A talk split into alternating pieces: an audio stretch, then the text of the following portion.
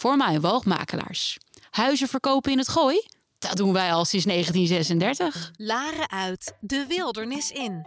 Wekelijks neemt safari-expert en geboren laarder Frank Ranzijn je mee in zijn wereld. De wereld van ongerepte safarigebieden, de Big Five en de cirkel van het leven. Eten of gegeten worden. Een wereld vol safari-geheimen die hij met jou als luisteraar ontrafelt. Van de mooiste plekken om op safari te gaan tot de regels van de bush. Samen met prominente gasten uit de natuur- en conservationwereld neemt Frank je mee, Laren uit, de wildernis in.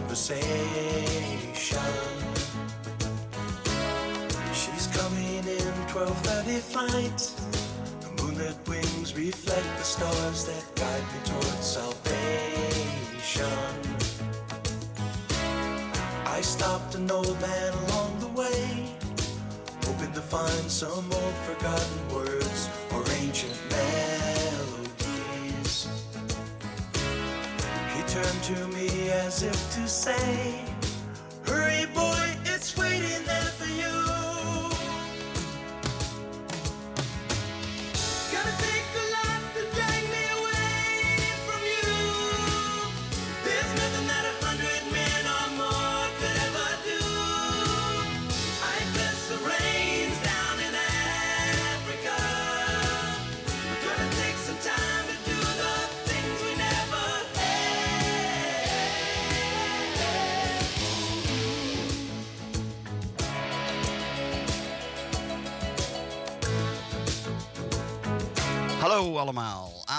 die vandaag weer luistert naar een bijzondere nieuwe aflevering van het infotainmentprogramma van Safari Geheimen. Natuurlijk hier vanuit de radiostudio van Dorpsradio Laren in het hart van ons mooie dorp. Ontzettend fijn als je er vandaag weer live bij bent, want ik ben super trots op onze gasten van vandaag. En ik ga ook direct maar over in het Engels, zodat ook zij weten eh, waar wij het hier in Nederland over hebben. Today in our show, straight away from Nairobi, Kenya, Jonathan and Angela Scott. And let's say Jonathan and Angie has been on my wish list since the start of this radio and podcast show already since March 2021. And why not dream away for the next hour into the world of wildlife, filming and photography? This with a strong focus on nature and wildlife conservation. Jonathan and Angie Scott dedicated most of their lives to nature and wildlife conservation by documenting all the big cats like lion, leopards, and cheetahs, and this, of course, in their natural habitat. So, a very warm welcome to Mr. and Mrs. Jonathan and Angie Scott. Jonathan and Angie, can you hear us? Loud and clear, thank you, We Frank. can. Hi. Hi, Angie. Um, uh, is it is it? Do you prefer Angela or Angie? I really don't mind. but let me- okay, nice to meet you, Angie. Because it's the first time uh, we talk uh, to each other. Um, I uh, had talked to Jonathan just before the radio show started. Um, may I really thank you for taking the time to talk to us today and our listeners to give us a little bit of an insight of the work you both do in some beautiful but very fragile safari areas. Um, and yes, needless to say, maybe, but most nature and wildlife lovers will do know you because of all those years you have been on television with the world famous Big Cat Diary, straight out of the Mara. And the funny fact, which I think is nice to know, is that I know Jonathan a little longer, and then I mean not in person, but I read his first book, or my it was for me the first book. I think it it isn't the first book Jonathan uh, published, but the Leopard Tales uh, in the 80s already. So that was, I think, the first time I heard of that name. Um, and I think since then, I pretty much followed whatever you have done. Um, so, I feel we have to make clear a little bit to our listeners what you both have done the last 40 odd years, I think, or even more. And to just, I will only just name a couple of facts about you. And uh, so people know a little bit who we are talking to today. Jonathan was the overall winner in the Wildlife Photographer of the Year competition in 1987. And this is the most prestigious event of its kind. But then Angela, she was the overall winner in the Wildlife Photographer of the Year competition in 2002. And together they have been for 12 years TV hosts for the BBC Animal Planet series Big Cat Diary. And as of today, they are still dedicated their lives to wildlife filming and photography. And yes, they have their own podcast called the Big Cat People Podcast. So if you like, please check out their latest collection also of their educational photography ebooks. And at the end of the show, I will uh, mention the website again where you can check out what kind of work they all are doing. So let's start talking about important matters today of nature, which means I'm going to try to keep my mouth shut as much as possible and we'll let you do the talking. Um, Jonathan, to start off with, um, you studied zoology. Did you had a clear vision what to do after your study?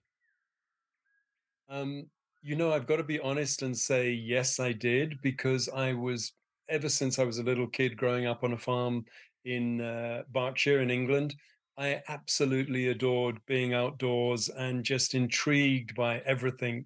Um, you know, whether it was plants, trees, birds, animals, foxes, badgers, whatever it might have been. But I was very aware once television came into uh, view in our home of how much bigger and more exciting Africa's wildlife was.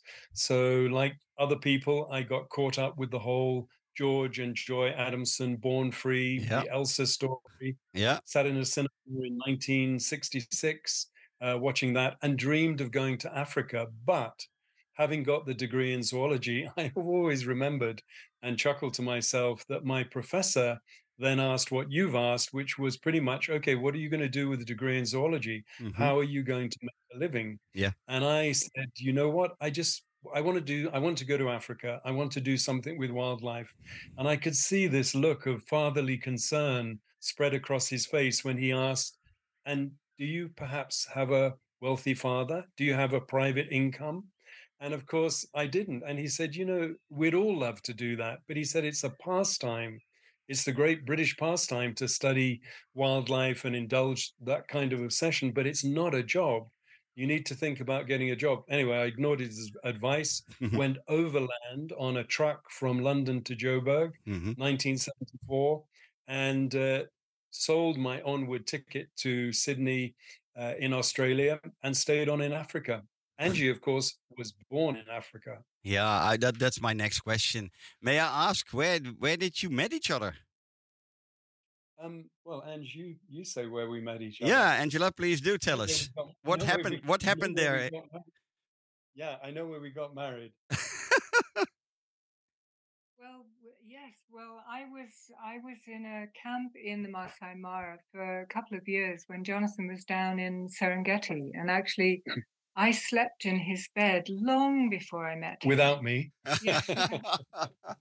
Um, but I was looking for his books to sell in my shop, and I had asked the bookseller if he came through Nairobi, could the bookseller ask him just to sign me a couple of copies that I could have in my shop. Yeah. Um, And and he then rang I- me. And I then rang, she left a telephone number and I rang her. Mhm. And, you know, since Big Cat Diary, we've actually done a new television series on Animal Planet, Yeah. which your audience can track, which is called uh, Big Cat Tales. So that Yep. was sort of in the late 2017 19 and when i heard angie's voice i just i sort of fell in love with her voice and so i rang her you know having rung her up and listened to the voice i said well you know maybe we could meet you know not very classy but i said maybe we could fe- meet for for lunch and talk about the books and that was basically it That's where it all started. But that's where the magic happens. well she didn't just have a beautiful voice she's also a beautiful person and, and is Mhm. very beautiful and um yeah no so that was but it was through the mara and in 1992 Yeah. we got married uh, on the top of the western boundary of the Masai Mara, which is the Siria or Oloololo escarpment. Escarpment, yeah. Yep, 300 meters above married up on the top there, 1992, celebrated our 30th wedding anniversary, obviously very recently, and have just been so fortunate to have a shared passion for nature, wildlife, art, and photography. Wonderful. But is it on top of the Ololo Escarpment? Isn't that also the famous scene from? Um, Yeah. Yeah.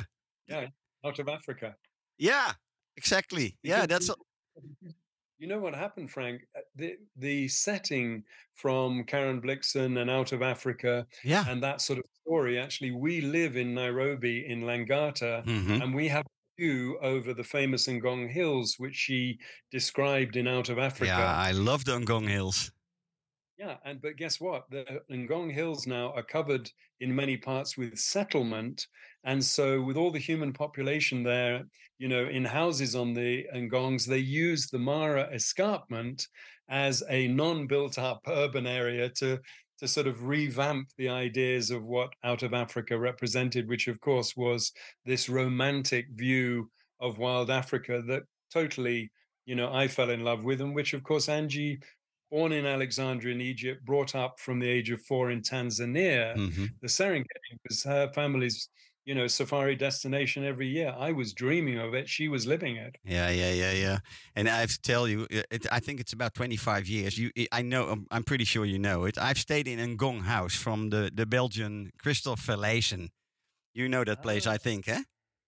You're our neighbors because we live, our home in Langata, he is two properties over from where we Ah, are. Yeah, I think it's not a tourist property anymore, from what I understand, because I know the son was uh, sadly uh, was in a in a plane crash, so he he died long time ago, and I think his his, his dad.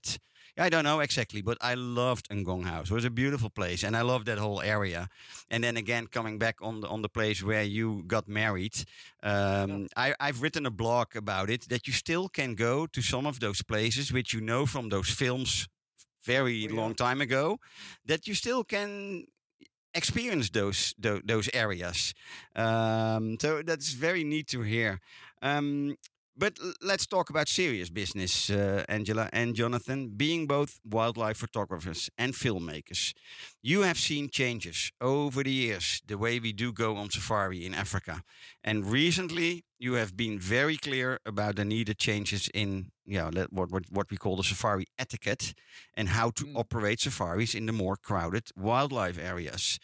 Would either of you um, start off with what you can tell us, the listeners, about the impact, negative development and impact sometimes on, on natural behavior of, of wildlife and the cats maybe particularly. But uh, let's talk about what's happening. And, and um, yeah, I leave it up to you. Who is answering? well, to you- Frank, to give you an example, when I came to live in the Mara, there were two lodges, Serena Lodge and Keekorok Lodge, and maybe three camps, four camps within the reserve. Governor's Camp started up in 1971. So you had two lodges, a couple of camps. I was staying in 77 in a camp which was just outside the boundary. Mhm. But you know, forget mm, these days where you're not meant to drive off road, but in those days you had to drive off road because there weren't any proper tracks in many areas. Mhm. It's a very high rainfall area in the wet season, black cotton soil, you know, you'd get stuck.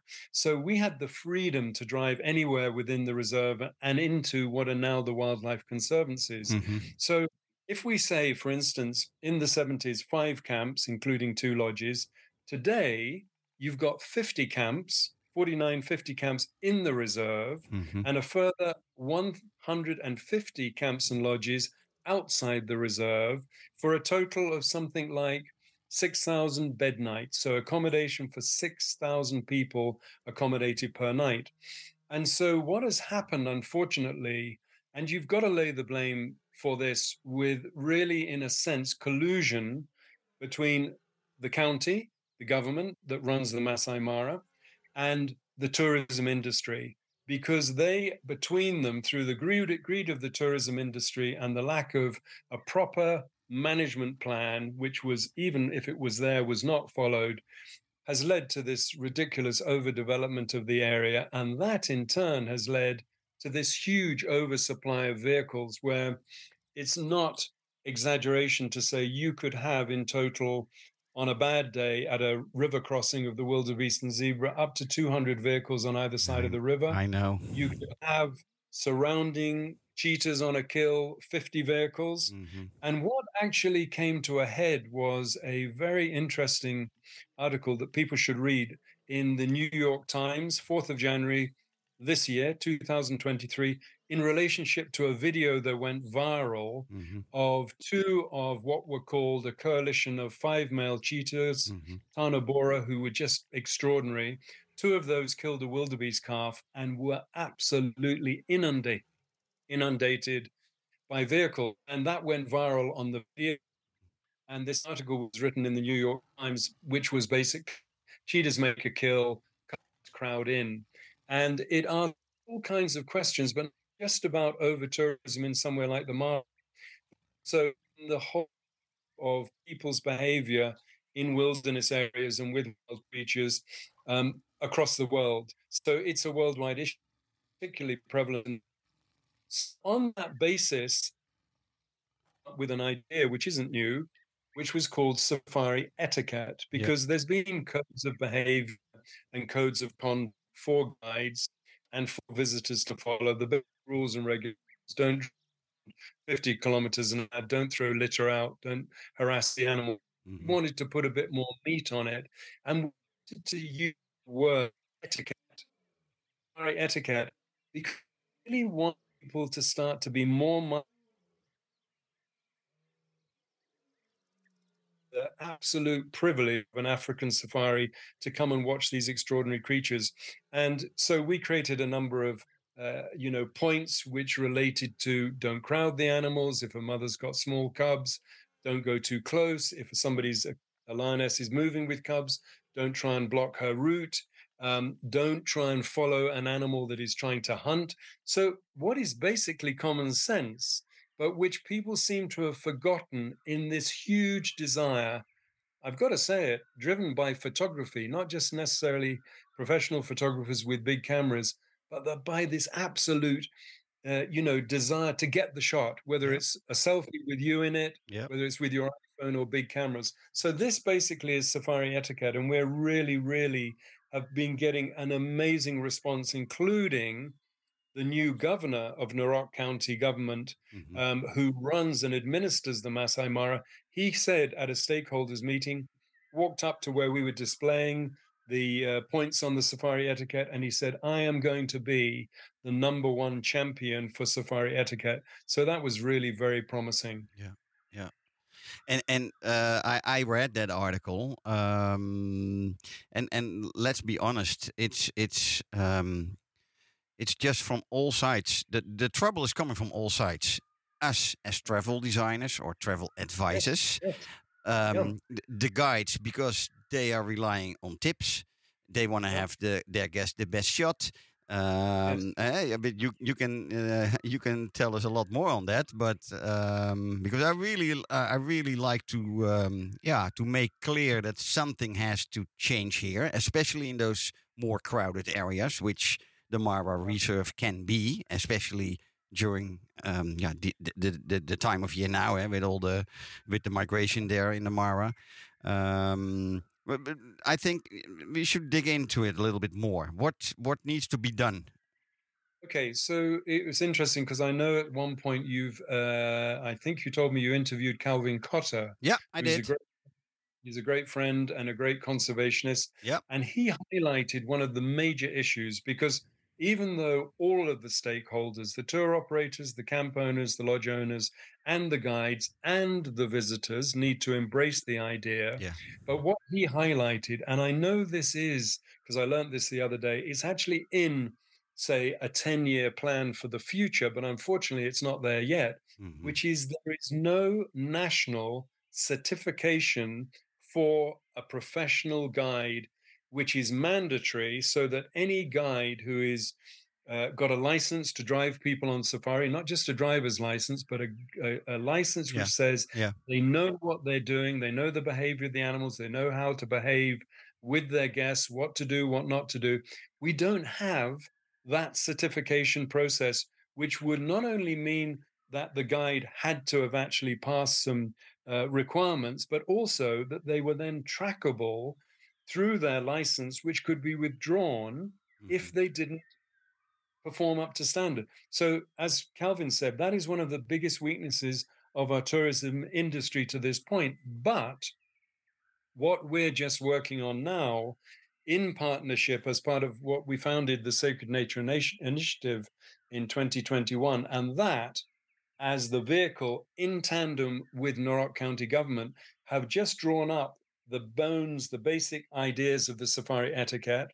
And coming soon, guides at the point of entry will have to sign up to a version of that so as they're committing themselves, so as they couldn't say, but nobody told me, I didn't know, I didn't realize I shouldn't go off the road or I shouldn't get within 25 meters of the animals. You're going to be locked into a system with repercussions. And those repercussions will include people after a warning, they'll be banned from coming in and bringing visitors. And that is really going to hurt people where you have to if they're not listening to what you're saying. Yeah. I think one of the things that we tend to forget in in looking at management of this whole um, conundrum, if you like, is that the visitors are participating in bad behavior mainly because they're actually ignorant of the behavior that they should be behaving. Yeah, yeah, yeah. And it's really important to have the guides explain to the clients because sometimes I know when when we've had clients and you say to them, you start talking to them about the mother with the cubs. Mhm. You say, but do you not realize this, this, and this? And you explain the behavior that's going on, and they're shocked. They say, Oh my goodness, but Mhm. I don't want to be part Absolutely. of that. I don't want to go and look over a mother cheetah cubs that are too small and know that then she's going to move the cheetah cubs out of a very safe Mm. place because maybe she's been them. disturbed and maybe lose them. Yeah. And I think we we're addressing a lot of things with regards to the government, the guides, but somehow, somewhere, the clients need to have the information. And then they too will be participating in helping, not driving, not accepting, you know, not pushing Yeah. the driver Yeah. to these shots, which, and I'm talking about photographers, ordinary clients, it doesn't Yeah. matter who it is. Mhm. But if they could actually have a mandatory meeting when before they even get in a car to explain some of the behavior of the animals and why we've got to put the animals back in the center. as the priority. And in fact, this is, you see, what we've done is if you were to just come to a gate uh, for entrance into the reserve, Mhm. you could find the basic bare bones of what are the rules and regulations yeah, true. from the government. But they will be very basic in as much as it'll probably just say, uh, don't litter, don't harass the wildlife. Now, what we're trying to address is having seen what we've seen is to give people, as Angie says, the understanding as to why not. Because a lot of people, unfortunately, whether they've watched too many wildlife documentaries and, and have the wrong impression. I mean, you'll get some people who'll want to get out of the car and try and cuddle the cubs because you Yep. know, we thought tame and you know surely they weren't. So there's no question that you have to address that sort of shortfall in information. And so by giving more context to why we're asking people to behave in a particular way, and also, as Angie said, the crucial thing is this it's got to be mandatory that just like you get a briefing when you arrive at camp, don't walk without a night watchman.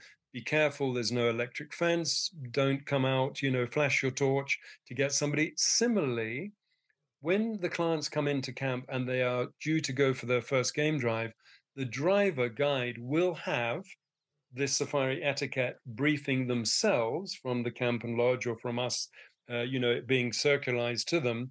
And then their first duty when they sit down at tea time with the new guests before taking them out is to just briefly run through and say, look, please don't sit up on the roof hatch. Please don't shout and make a noise And if you get excited And yeah why? and why not to and as angie said too you see what has been happening there are fines which the rangers can give to people who go off road or who do a you know they hear there's a cheetah with small cubs or a leopard well we can take you but we're not really meant to go there so then what happens without really thinking of the consequences for the animals. They're just thinking, well, don't worry. If you get fined or stopped by the ranger, we'll pay the fine. You're And not grasping that, but hang on a minute, that's okay, that covers your driver. But what he is saying to you is, we shouldn't really go there, not just because it's bureaucracy, but because in doing it, you may harm the wildlife. So Yeah.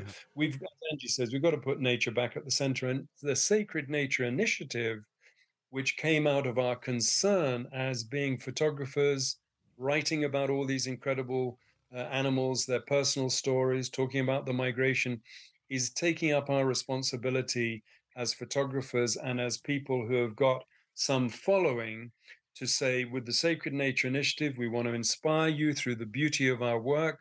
We want to educate people in situations like this, safari etiquette, and then possibly you will be convinced of the importance of conserving what's left of this great wonder. May may I ask? Um, because I um, I should try to not fill it in myself. So I would ask: Do you think this is much more a problem from all the? um, Yeah, I don't want to put it negatively, but the more budget type of organizations, or do you think it's all over, even with the high end safaris? I think it's all, I mean, photo workshops, which are not cheap. Uh, obviously, the variety of prices according to who's hosting them. But the fact is, the photo- the very process of photography itself, hmm as Angie often says, is you know it's become a competition out there. Yeah. Everybody wants to be wildlife photographer of the year. Yeah, yeah. Everybody Yeah, yeah. you, you'll have people jumping out of their vehicles, turning their back on a river crossing mhm. just to get themselves in the picture. Yeah. Everybody wants the Facebook, the Instagram Yeah. hit. Yeah, it's and- all and about social media. Yeah, yeah, exactly. Absolutely. There, is a lot of people out there. So, no, I mean, you can sometimes get the most considerate people, uh, you know, who are on a backpacking holiday and are staying in Talek town, not in a fancy camp, hmm and then hiring a vehicle to go in. So it doesn't necessarily mean the budget thing. No. But I do feel that um, it's a question of sensitizing people and showing people because the Mara has become, there's only one way to put it, such a basket case. It's become so chaotic out there Yeah. that only by really extreme action Mhm. are you going to see it turned around? And that will come when people begin to realize I can't just give the ranger part of what you know he's asking for and he'll keep it himself and it will be just it'll be ignored. Mhm. We actually have to understand that the head, whether it's the governor, whether it's the senior warden, if we step one foot out of line, we're going to pay the consequences. Then it mm. stops overnight. Yeah, yeah. But I'm also saying that educating people to be very present to their actions and their own behavior is quite an important part of this whole story because I I still have a bit of a problem understanding how you know well educated lovely people can be leaping shouting uh, disturbing the animals when behind them or in front of them whatever you know an animal is surviving for its very life you Mhm. know it's trying to cross the river with some young wildebeest trying to get up a hippo trail the hippo trail they block by people people shouting screaming Yeah. and the wildebeest falling back in the river their legs are being broken they're being eaten by crocodile and Yeah. everybody's laughing having a party yeah, yeah, and yeah, it's a very disturbing thing for us that are connected to wildlife and you see you know mothers trying to move their cubs or it doesn't matter what it is and the people are sitting on top of their land rover Mhm. having champagne and Yeah, getting um, drunk Actually, this is is unbelievable what you're telling me because I know I know it can be bad, but um, sometimes it it's even worse than I than I thought. I, I, and I, I like to put in some positive signals too. Uh, I was in June last June. I was in in the Kafue in Zambia. Uh, and in the Lower Zambezi and in the South Luangwa. And I really have to admit, everything you just said about a, a, a guide should before we start on a game drive or on a walking safari do a proper safety talk, information, uh, everything you just said. And I have Yeah. to admit, there's a lot out there who are doing it like that, who are really very um, discreet with nature and, and telling their guests uh, what not to do, especially what not to do. Um, but it's shocking Yeah, what you're saying that, that they're saying they're sitting on top of the vehicle drinking champagne. I even didn't know that one. I haven't experienced that one myself. Right, but you see, Frank, you've highlighted a very interesting thing, which is in the preamble to Safari Etiquette, we pick up on, and this is Calvin's point. If you want to be a guide, whether it's a, a, a walking guide, taking people on walking safaris, um, or a driver guide um, in Southern Africa, Mhm. they have embedded protocols. You you've got to go to college or, or go to night school or do a, a- you know you've got to have a one or two year education to pass your certificate Yeah. to ena- enable you to guide. Now Yeah. the difference there is is that tourism in some ways is probably on a you know it's less people maybe higher end in Kenya we went down the route of mass tourism so that requires an awful lot of guides, and we just didn't have the protocols in place. So we're sort of doing catch up. And even though there is a voluntary Kenya Professional Guides Association Mhm. with bronze, silver, gold guiding, yeah. even though we've been lobbying for a long time, and in fact, Brian Heath, who runs the Mara Conservancy that runs the west side of the river, Mhm. of the Mara uh, Reserve, the Mara Conservancy, the Mara Triangle, Mhm. we wanted actually to make it mandatory that you had to have a minimum of a bronze certification Yeah, yeah. to bring people into the reserve at all. Yeah. Well, unfortunately, it hasn't yet been mandated. So, yeah, Southern Africa, they've got their act together a lot better than we have. Yeah, and and and again, uh, maybe that's also a good to to um, put it clear. The private conservancies around the Mara, there's the problem is also a lot less because I think there's a lot more safari etiquette there than in the national reserve.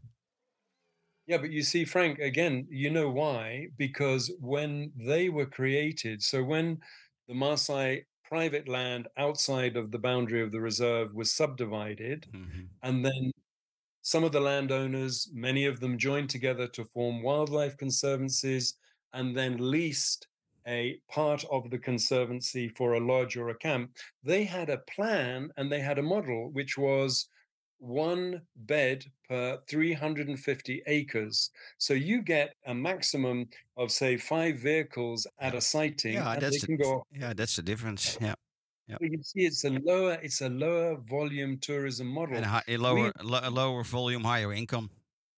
Yes, and and lower impact. But unfortunately, the reserve spun out of control by not ever signing. I uh, I actually helped with a management plan scheduled for 1982 when I did my first book, uh, proper book, The Marsh Lions. And at that time, there was going to be a management plan. Well, between then and now, we've only just signed into law a proper Mara management plan.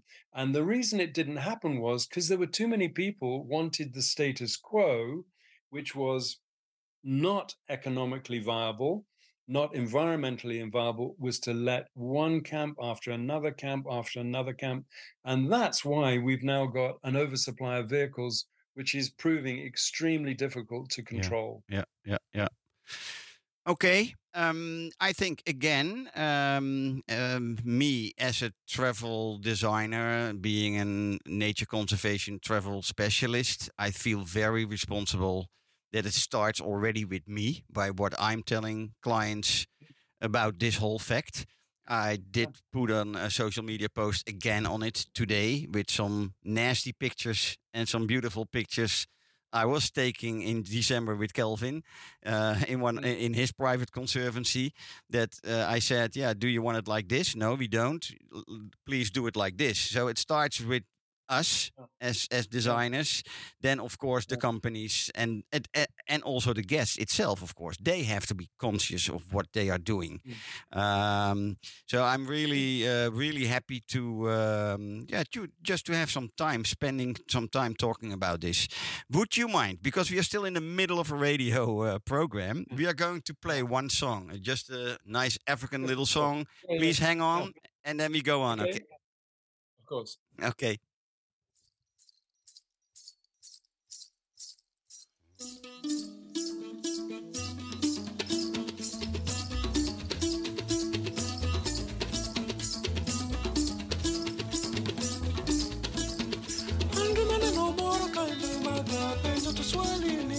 Asetingago kanyo no piny alworo asetingago kanyo no piny alworo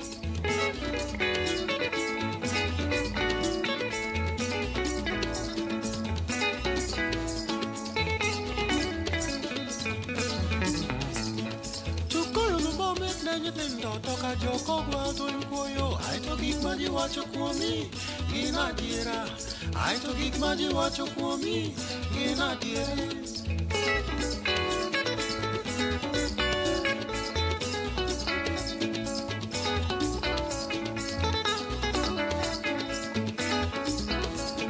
Yukono miyo ng'eri mabor mang'e mathoth to pod wagede kuoyo. En ang'owa en ang'owa jarit ni ang'owa jarit ni jamuol nyingi kuoyo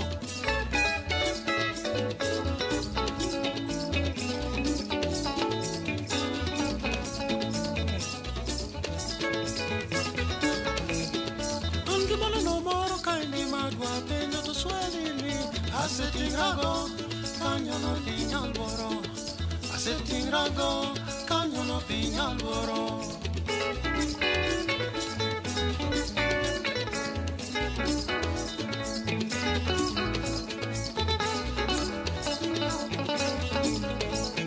Kekono miyo ng'eri mabor wang'e mathoth to pod wagede kuoyo en ang'owa en ang'owa jarik ni jamuol nyimgi kuoyo en ang'owa en ang'owa jarik ni jamuol nyimgi kuoyo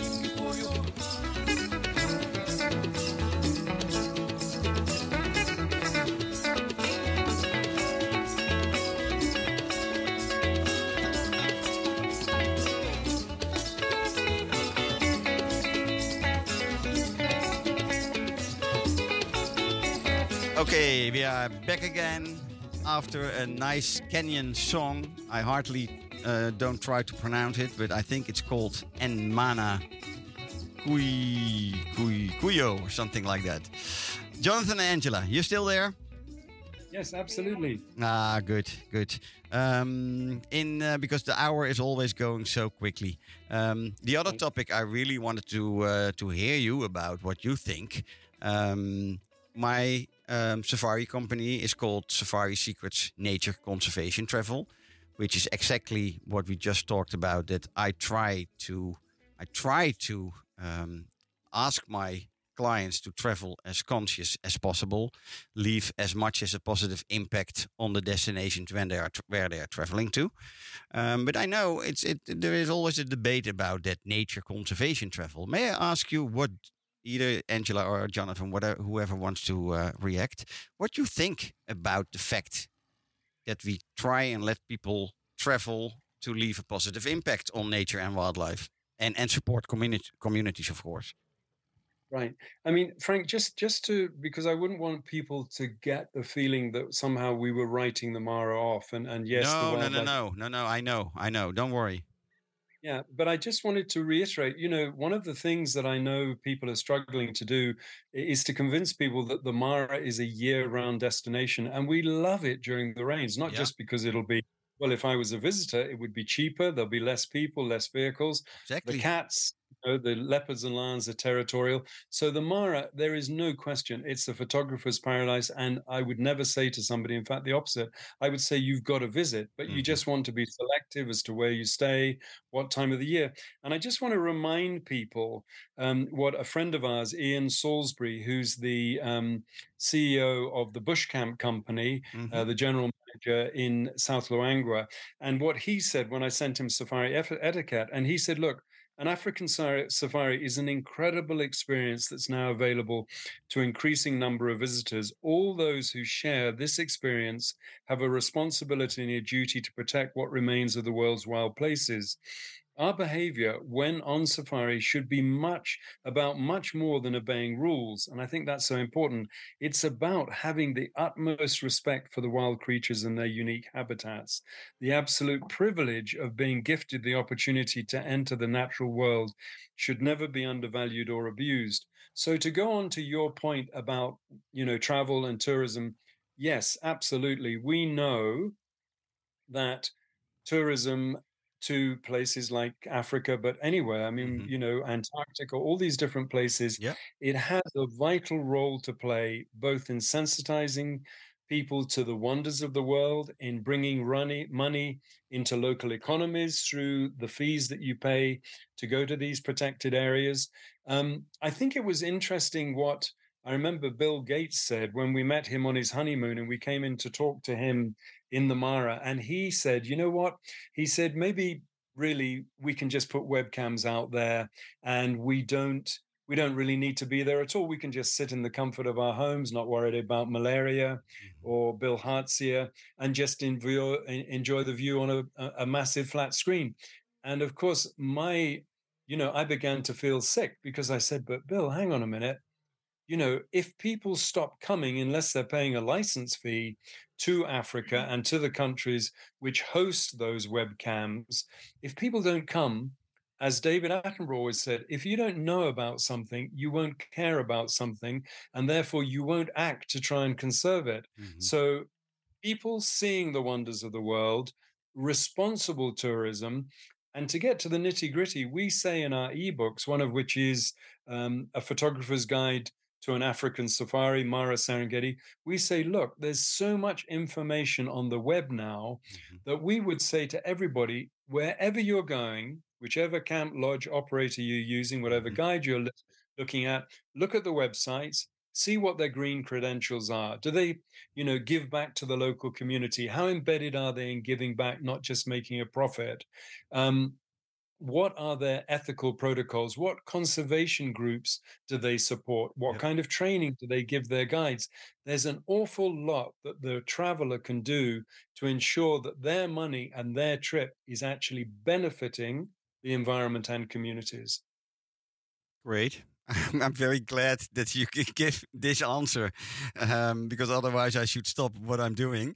Um, I, I mean, yeah, because again, I, I do talk sometimes to people who are a little, they are thinking a little bit differently. Uh, another person I think you probably will know, Colin Bell. He told me Yes. 10, 10 years, 15 years ago already on a presentation here in Holland to all the all the guests who were on that event that please do not stop traveling to Africa, but because of the whole flight, um, uh, Yes. what what's the word? Um, the flight shame, etc. Uh, he said you're doing more harm by not coming over than that you do when you come over, uh, and I always try to keep that in mind because again, um, if a, per- a person like him is telling me that I, I who is also in the industry like 40 years like you guys are even longer but um so i'm glad that you gave that answer angela do you think the same way No, absolutely, I do. I think it's incredibly important that people come and visit and actually help the people that are on the ground here to preserve these extraordinary places. I mean, without the money from visitors, without the the knowledge from visitors, Mhm. getting involved, going and spreading the word elsewhere, Yeah. these wild places are just not going to survive. no no Do you know, it's interesting, Frank, uh, the, the great um, Dr. George Schaller, who did landmark studies, you know, on every iconic large animal you can think Yeah, of, and yeah. then dedicated the rest of his life to, particularly in the Far East, China, Tibet, places like that, of working with governments Mhm. you know one of the th- to conserve landscapes because one of the things that i think from the sacred nature initiative uh, the second of the books we did in that series sacred nature reconnecting people to our planet was that you know we talk a lot about iconic creatures like lions polar bears tigers uh, leopards elephants rhino you know whatever they might be Mhm. but our second book took a landscape view because Angie said, you know, what the wild creatures really need is somewhere to live. Yeah, Because we're gob- gob- you know, we're gobbling up the planet. If you Yeah. think about Africa by 2050, which is at 1.2 billion people today, will be 2.5 billion people in just what 30 years. yeah Well, you, you couldn't help but think, where what will be left for for the wild creatures? Yeah. You know, where will the land be? th- You There know, pr- be. to preserve them. Yeah, I mean, There- there you know, I, I hate to say it, but there won't be unless something dramatically changes. But on that note, as pessimistic as sometimes one might feel in the face of bad news, Mhm. you you've got to stay optimistic because you don't know what's around the corner. But You I have to keep working. That is where tourism actually plays a very large part because you don't know who the people are coming, you know, what people are coming and what power they have in international Yeah, yeah, yeah. Settings. And they, we need the international community to be thoroughly engaged in the last of these great wild places. yeah. It can't do it on its own. It has too many problems of its Mm. own to deal with. And we need bright people, you know, influential people. Yeah, yeah, yeah. I know what you're saying. Yeah. Yeah. They know enough. We have to preserve this mhm, this last wilderness. Yeah. The thing is, until recently, it's you know, with politicians, it's it's about well, what do the people want? What what are they going to vote for? You know, if we start mentioning, you know, conservation, the environment used to be bottom of the pile, but again, as David Attenborough said, if the environment isn't the most important issue facing mankind today, tell me what is. Yeah. And I think one of the pleasing things is to now see that you could be green, you know, have green creden- credentials. In the old days, people would just tell you to go and get a job and grow up. Now, people are falling over themselves. I mean, every company we approach for funding, we've got a big exhibition called Journey Through Time uh, at Mhm. the National Museum, which will start early next year, you know, portraying the past, the present, the future, Yeah. and going around. Everybody's, you know, can't wait to tell you about what sustainability campaign they're following, but you know they're following it because, eh, fortunately, it now makes good business sense because any business that doesn't actually look to communities, to the benefits to the environment, and cost it into their working plan is on the wrong route, and they they'll be as extinct as the dodo. Yeah. Oh, there's so much work to do, um, Jonathan and Angie, but we all know that. And and, and I don't want to be uh, as pessimistic also. So what you're just telling, uh, saying about in 30 years' time, um, 2.5 billion, eh? You said it's 1.5 now, eh? Yes, and Yeah. I mean the and the Yeah. population. And, and, and- yeah. it just make me uh, worried as everybody else who uh, loves nature and wildlife and who just be on this planet and wh- where to go with this planet. Uh, and i'm not going to change it on my side. Uh, the only thing i can do i'm i'm also i just call myself a nature and wildlife lover. I'm doing um, i'm visiting africa and india uh, already for uh, what is it? 40 years uh, 35 years now.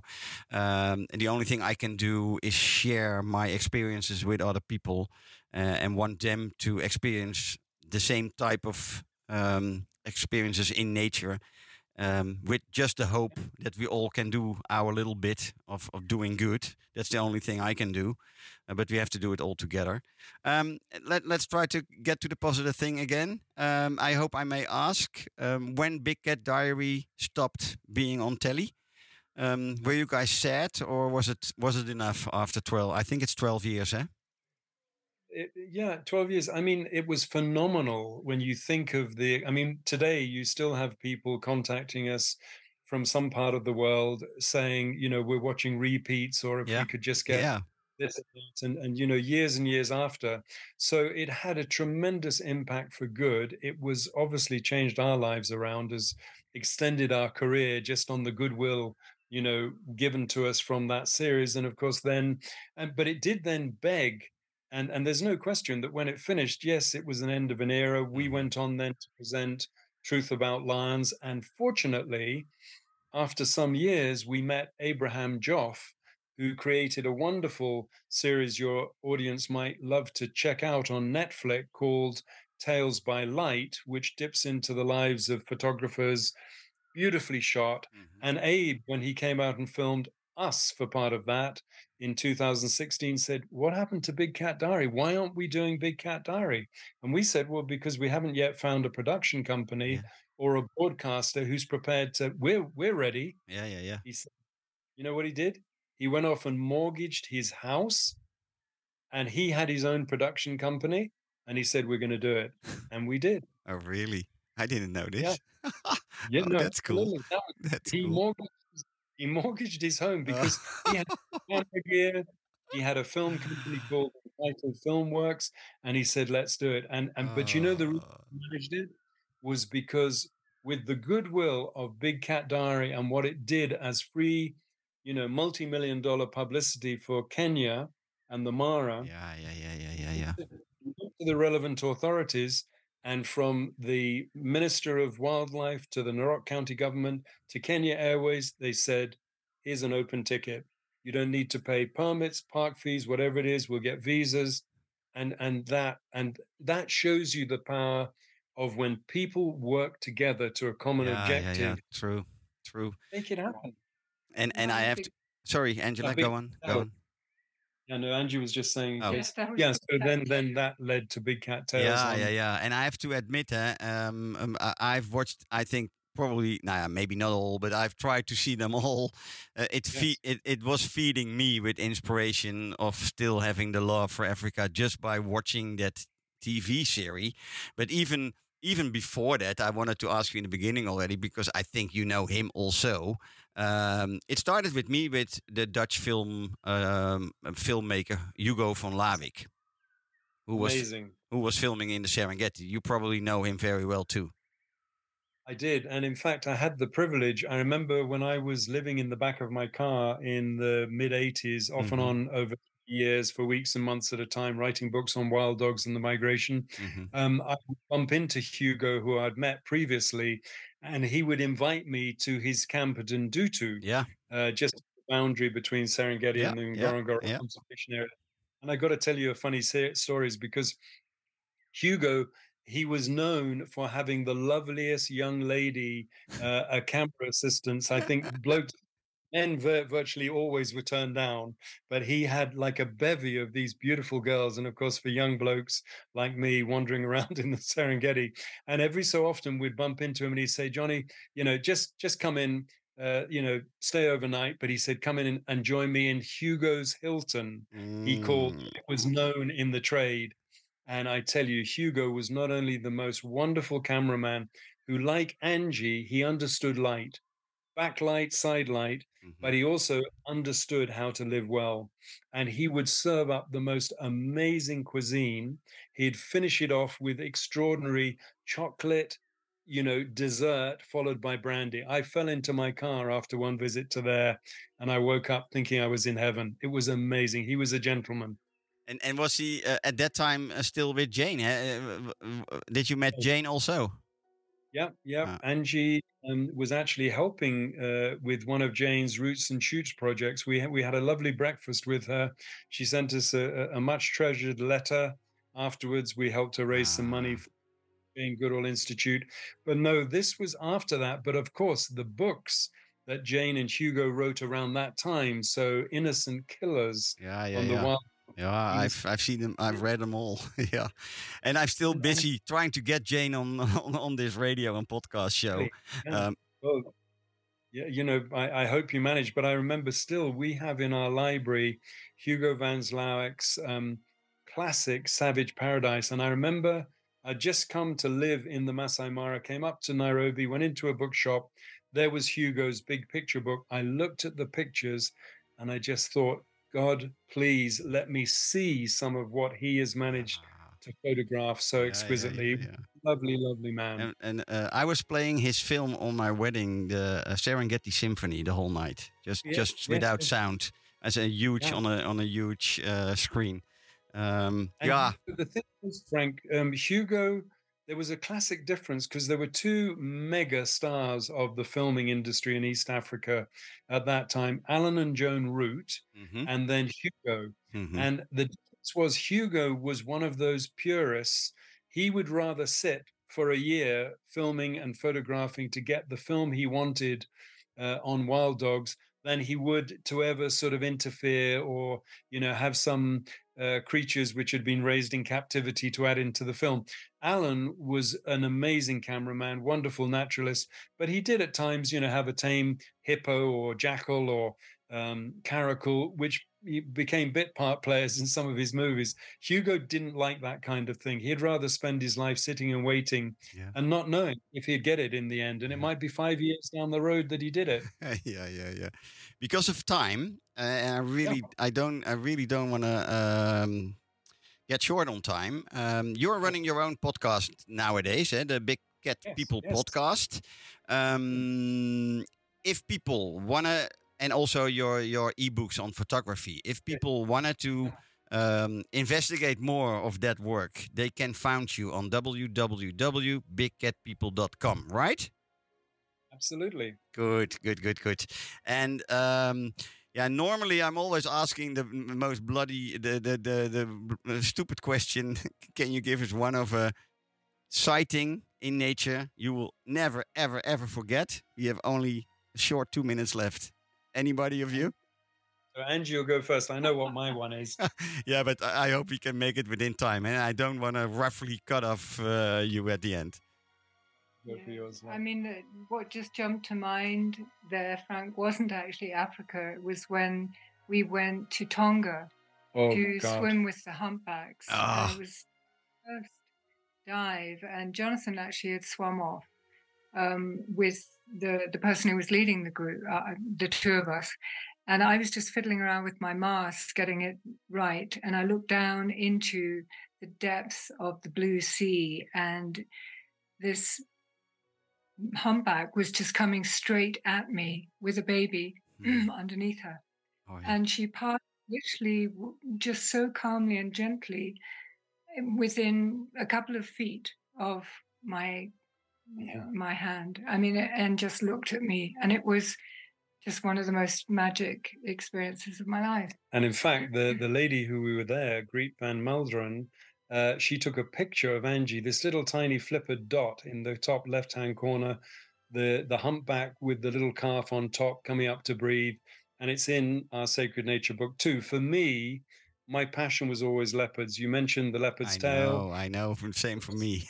yeah. Well, it took six years. Leopards that had survived when I came to the Mara, Mhm, you know, were the ones that hadn't been poached and turned into a fur coat mhm. and there was one female leopard um, which i got a few pictures of and who was the mother of the sort of star of that book. Mhm. and i was at a place mara buffalo rocks waiting as i had for days and weeks. She came out of the cave and paused and i got a photograph of that. And i always say to people if i never take another picture in my life and you know some people say oh, i'm never happy with any of my pictures. Believe me i love that picture. It's got such great memories about for me my favorite African animal. Wonderful, wonderful, guys. May I uh, may I thank you a million times for taking um, the time for talking to us this hour. Um, it will be published in two weeks' time on the podcast series. I will let you know later on. Thank you for uh, today's talk. Have a wonderful evening, and uh, st- still keep going on with the beautiful work you guys doing. Thank you so much. thank you so much frank Thank you. Have a nice evening. Bye bye. Bye.